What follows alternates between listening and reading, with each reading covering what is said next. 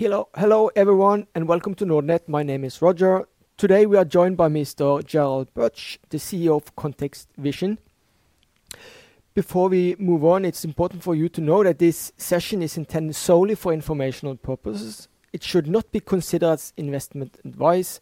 Our aim is to provide deeper insight into the to the company, ContextVision, uh, and its industry. Uh, there will be a double session. First, uh, Gerald will uh, do a short presentation of ContextVision, and thereafter, we will conclude uh, everything with the Q&A session. So Gerald, I yeah hand it over to you then. Thanks, Roger. Thanks for having me, and um, looking forward to the Q&A session as well. Let's get started with an overview and a couple of updates around ContextVision. Uh, first of all, who are we? So Context Vision is a medical imaging software company, and what we offer is image enhancement solutions. So what does that mean? Um, what we're doing is on uh, for medical imaging equipment, uh, we offer software that enhances contrast, reduces noise, enhances edges, so everything around image quality and to improve image quality. Now, more and more, increasingly, we're also seen as image quality experts, so we have the ability and capabilities to create a certain image quality style, which makes medical images differentiating. Our customers are leading manufacturers of medical imaging equipment, uh, such as ultrasound, X-ray, and MRI systems. Um, representatives of those customers are General Electric, Philips, Canon, Siemens, uh, Fuji, um, all around the world. Uh, what makes us unique, at the end of the day, is our real-time image processing capabilities. So over the years, we've developed hundreds of algorithms that are the fastest in the industry, uh, and that are easy to implement, tunable. Um, so that's sort of our tech stack that we are uh, actively using in our offerings. Um, moreover, uh, you could ask yourself, what does that do at the end of the day for the ones who are reading and interpreting images, namely radiologists, sonographers, in the industry?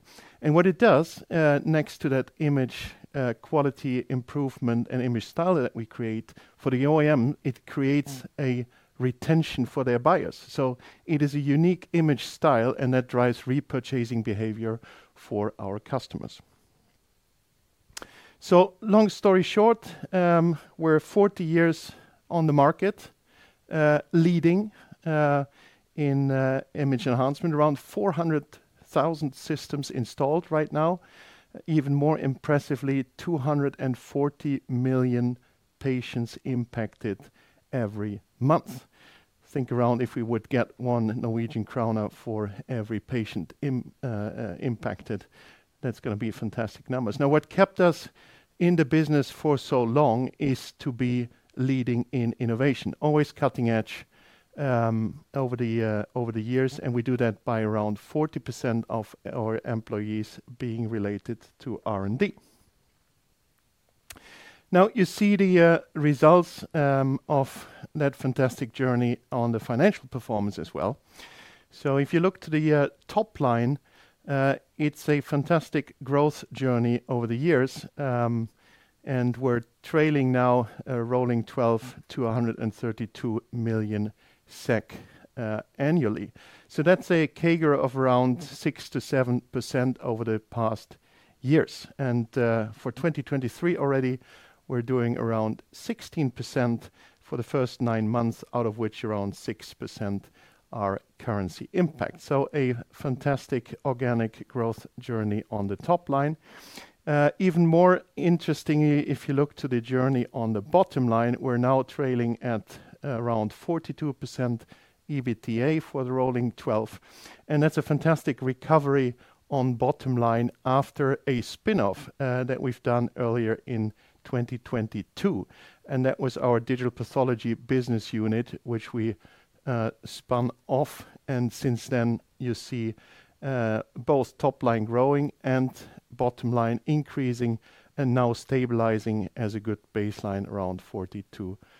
EBITDA, and that's uh, roughly a uh, post-tax return on capital employed around 35%. So we're above and beyond, I should say, the Rule of 40 in the software industry. Now, just a glimpse of how our products, uh, our software and image enhancement is working. You see our state-of-the-art portfolio. Uh, on the top of the slide, you see the ultrasound images. To the left uh, of that green stripe, you see an unprocessed image, and on the right-hand side, you see the enhanced image. And you can clearly see uh, that is a complete different image impression and a different image style that is being created, much simpler, much easier, much faster to read for a clinician. So that makes it easier to interpret, saves time, and gets to a diagnosis faster. And you see that in ultrasound, you see it also in radiography. So that's static, uh, uh, an example of static chest X-rays here. And you see a dynamic image, um, so for the processing as well. Um, if we look at it more from a business perspective, you see that around 71% of our net sales top line is currently resulting from our ultrasound business, so 2D, 3D, 4D, and mobile versions that drive the um, strong business there. You see around 19% of net sales uh, generated in X-ray, so that's both static and dynamic. X-ray, 6% in MRI, and then 4% Uh, in our services business, uh, and uh, around 0% right now in new business. So that's a whole different level that we're going to get into, but I'll talk about those opportunities in a minute.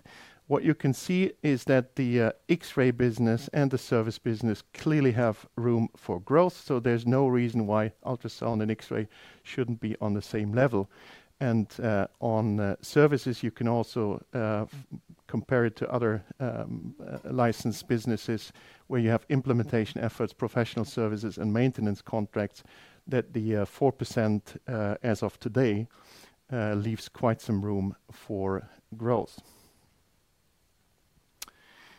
If you look into the um, sales more from a um, recurring perspective, uh, you can see the sales build up here now illustrated uh, on an annual basis. So uh, on the left-hand side, on net license sale, you see the contracted volume, and then throughout a year, we have net upsales, so that's volume increases on the OEM side, that's contract renewals, that's um, upgrades, pricing impacts. Around 3%-6% organic growth here. Typically, a very low churn rate, uh, 0% in this illustration here. Um and then obviously we drive hard to get new contracts, so either new OEMs or new system platforms covered. And then in the recent quarters, we did see quite some uh, currency tailwinds, which you can see also in that revenue build up. Uh, so, all in all, a highly recurring license business. Um, similar picture on the service side. So there is recurring revenue on maintenance contracts that's coming in uh, uh, every quarter. Also there, uh, opportunity to upsell, get more customers contracted on the maintenance side. Rather low churn rate as well. Um, the two new kids on the block, professional services, and an increased NRE. Professional services, again, ContextVision as image quality Uh, experts supporting image processing for the larger OEMs. And NRE, that's quite an interesting indicator for future sales 'cause the more implementations we do in a period of time, the more net license sale uptake uh, you can expect in the uh, coming quarter or year. Quite long sales cycles, though, I must say, sometimes up to two years uh, until uh, implemented products are generating uh, recurring license revenues. In summary, I think um, good opportunities to further grow in license sale. However, a very stable market as a baseline, and then growth opportunities in sales on top. Now, from a market perspective, I think this is an interesting perspective, both showing what we can still grow in our medical imaging image enhancement business, but where there is also clear opportunities for adjacent growth. So this is an overview of the addressed market that we're acting in. Um, uh, and that's mainly classified by the imaging modality that we're implementing our software into, namely ultrasound, X-ray, and MRI. Uh, and then you see the different sub-segments. So those are defined by clinical applications. And uh, in ultrasound, you see a good spread uh, between radiology, cardiology, women's healthcare. And then there's a huge, um, almost 50% of the market in terms of unit numbers on the market in point of care and specialty solutions. So that's what I'm gonna talk about in a minute for our new business. Um, You see a good performance in terms of ContextVision's share of wallet, um, around 30%, 40%, 15% in the different segments. On average, I would say, uh, uh, above 20% in ultrasound and uh, around 10% in um, digital X-ray. Keep in mind that today for point of care and for dental, we do not have products that we offer. Um, both uh, segments remain very attractive as image quality is the key differentiator. And again, that's what we create. We create that stickiness for our customers, the uh, OEMs. So how does that translate into our business focus and strategy for 2023? So The year now, uh, we have quite successfully managed the spin-off of our digital pathology business unit. We have around uh, 25% new employees over the last two years. We've built our leadership team. We've reorganized the uh, service organization and R&D teams to better address the growth opportunities, both in the um, X-ray portfolio as well as in the service business. We've launched a performance uh, program already in 2022 when I took over. So that's all bearing fruits now. Um, You see us running at a new pace, uh, essentially. So Q3 2023 delivered 28% top line growth compared to last year. First nine months year to date were around 16% top line growth. Um, so we're going to continue on that journey, certainly moving forward. Um, I also like to invite the ones that have the time to join us on RSNA in Chicago in around two weeks from now, where we're going to launch fantastic news for our X-ray portfolio in line with the opportunities and strategy I shared earlier. Now, the more exciting part, obviously, how does our long-term strategy look like? So if we look into 2024 and 2025, um, I am very sure we can take Context Vision to the next level. And that's by growing into adjacent segments from a uh, software technology perspective. And the biggest opportunity we have uh, is acquisition intelligence. So, making the acquisition of medical images substantially easier, if not automated. And then we can even add clinical intelligence on top, which means quantification and auto interpretation. Now, in that perspective, we already expect first revenues to come in uh, at the end of 2024, early 2025, and we might even consider inorganic steps to accelerate our expansion, specifically across the different clinical segments that we're addressing. The main focus, however, uh, for the um, growth program is what we call POCUS, point of care ultrasound. So let me talk about that segment for a minute. So if you look to the uh, um, major demographic challenges we have globally in our healthcare systems, it is, as we all know, around an aging population and growing populations where chronic conditions arise. So there is a huge need for faster, cheaper, more accessible, and user-independent monitoring tools. Um, in the end, our software in point of care ultrasound will automate image acquisition and simplify measurements, replacing today's complex interpretation of images.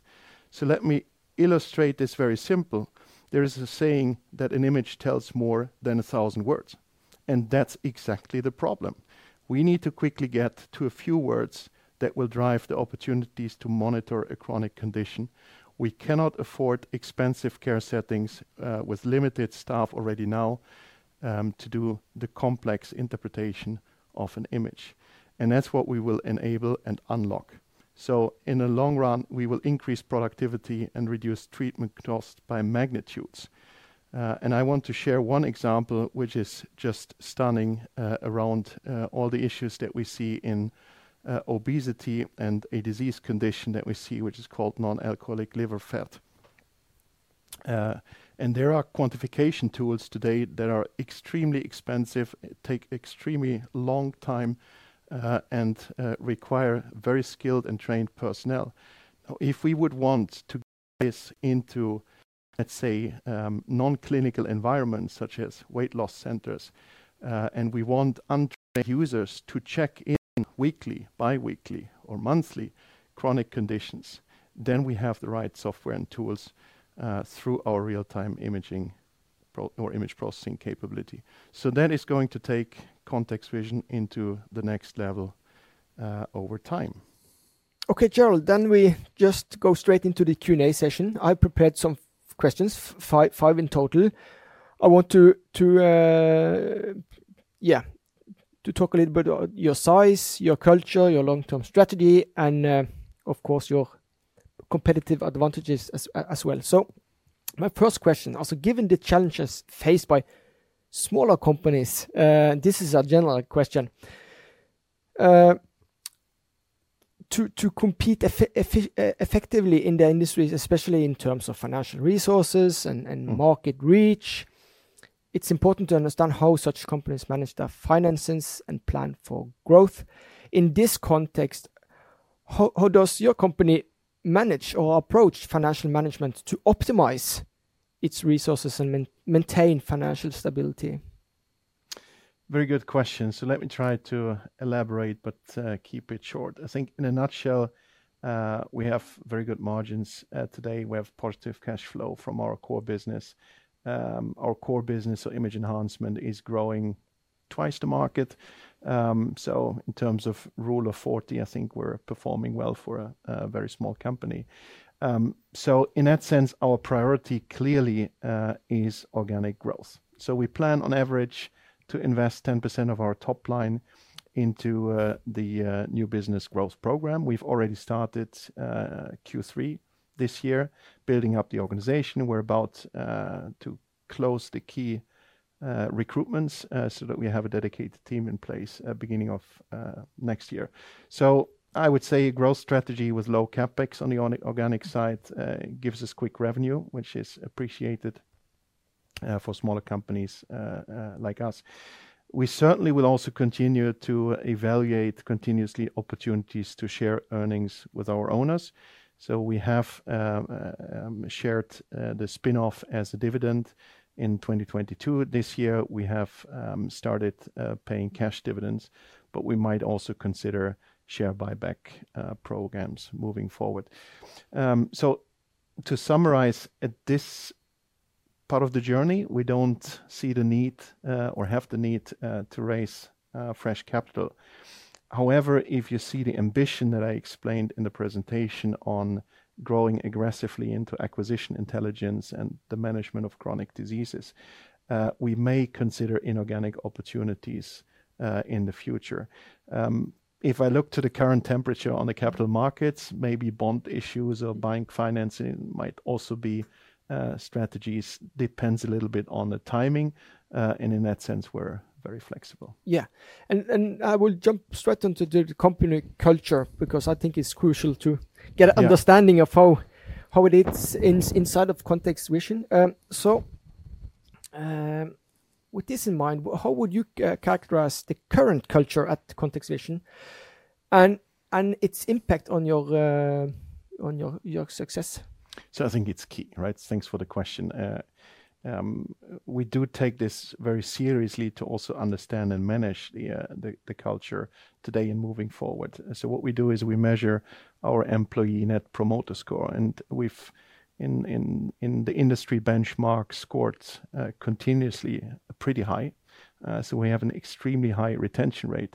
So we just celebrated our 40-year jubilee, and we also handed out uh, um, awards for years of service. And believe it or not, but we have many employees that spent their entire career in the company, but we've blended it now with around 25% new employees. Um, now, we've also rebuilt, as I said, the LT. We've introduced a different organization structure, all to increase a bit the clock speed that we're running at. We want to get into a different Uh, growth pace uh, on the top line while building up the um, new business program. And that's a tricky part. Uh, if you sort of have a very established and mature software development business, and you want to enter into something new, you want to drive innovation moving forward, you need to do this at a different pace and a different approach. So we've introduced a few new principles. Uh, for instance, we're using experience design and lean startup now for uh, the point-of-care ultrasound team. So we keep that team collaborating with our existing R&D groups, but in a way, we keep it independent to run uh, at a different pace and have different degrees of freedom. So I think that combination overall is going to help us realizing our growth ambition. Mm. Exactly. So I I think you have touched upon my next question, so I skip that. It's or you have a very long-term focus here. Uh, but regarding competitive advantages, so learning how a company handles adversity and what lessons it has learned from past challenges uh, offer valuable insights into uh, its resilience. Can you provide examples of past challenges ContextVision has faced, and how the company successfully navigated these situations? Yeah, for a small cap on the on the stock market, you would probably expect that there's little experience. But I can tell you, on 40 years of a journey as a software company, uh, uh, I probably could pick uh, examples from all different areas that were adverse events. But let me take maybe two of the more recent or or the ones that might relate to some learnings in in in our growth journey. Um, so as I I think mentioned earlier, we have uh, used our AI capabilities that we, by the way, already started embarking on in 2015. So it's nothing new for us, although it's a big buzzword in the industry. For us, it's a pretty regular tool to be combined with human-made uh, uh, algorithms. But what we figured out that we could use our image analysis capabilities, machine learning capabilities, Um, to assess also microscopy images and um, risk stratify prostate cancer. Now, that was a very promising uh, creation of a new, let's say, um, machine learning application. But at the end of the day, we found out that you, for an efficient use of machine learning and AI, you need to control or be in control of a significantly larger part of the process. So when I mentioned that we want to go into acquisition intelligence, is partly based on that learning that the interpretation and quantification itself uh, is only part of it. If you control the entire, in that case of prostate, laboratory process from staining, specimen taken, and assessment, you get significantly better uh, uh, results. Now, in that case, we also learned maybe we need different customers. We work in a different regulatory environment. So somewhat, we violated a lot of the um, core business pillars, if I would describe it that way. So the learning here is, if we move forward now, and we don't want to uh, generate a spin-off again, but we want to grow Context Vision as a company, um, we need to combine the market knowledge, the technology knowledge, the customer relationships, and bring that all together at a significantly earlier uh, pace. But I'm not saying that was a bad mm-hmm. journey. I think the financially, that was perfectly handled, and I think it was uh, a big value for um, uh, our shareholders. So I think that's a key example on understanding how powerful our technology capabilities are, but you need to combine it with market and and and customer insights.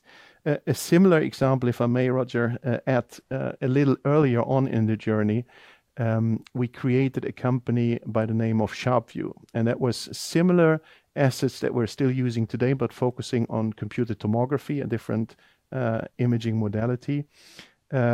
And we tried to not sell this as a product white labeled to OEMs as we do it today, but we tried to sell it directly to the clinical end users, so to hospitals, radiologists, to use uh, our image enhancement. So what we did, we changed the uh, the business model, essentially.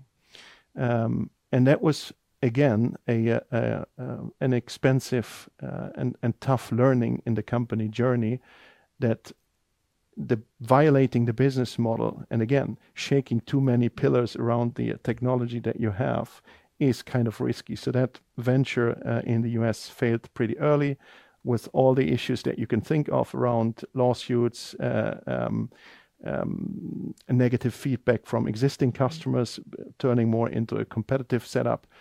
Um, so again, I think the the key learning here is that the uh, customer relationship that we have today Uh, is probably the strongest asset. So although we're a software tech company, I think the customer relationship uh, and the understanding of what is happening in the market and the big challenges that we're ahead, and how to monetize and bake that into new business uh, is something that we have learned in the past, and we hope we can we can uh pick on those learnings moving forward. So with that, those words, you have touched upon my final question. It's all about, you know, how you uh, also relationships with customers and suppliers, because they are very vital for for you uh, uh, and everybody else.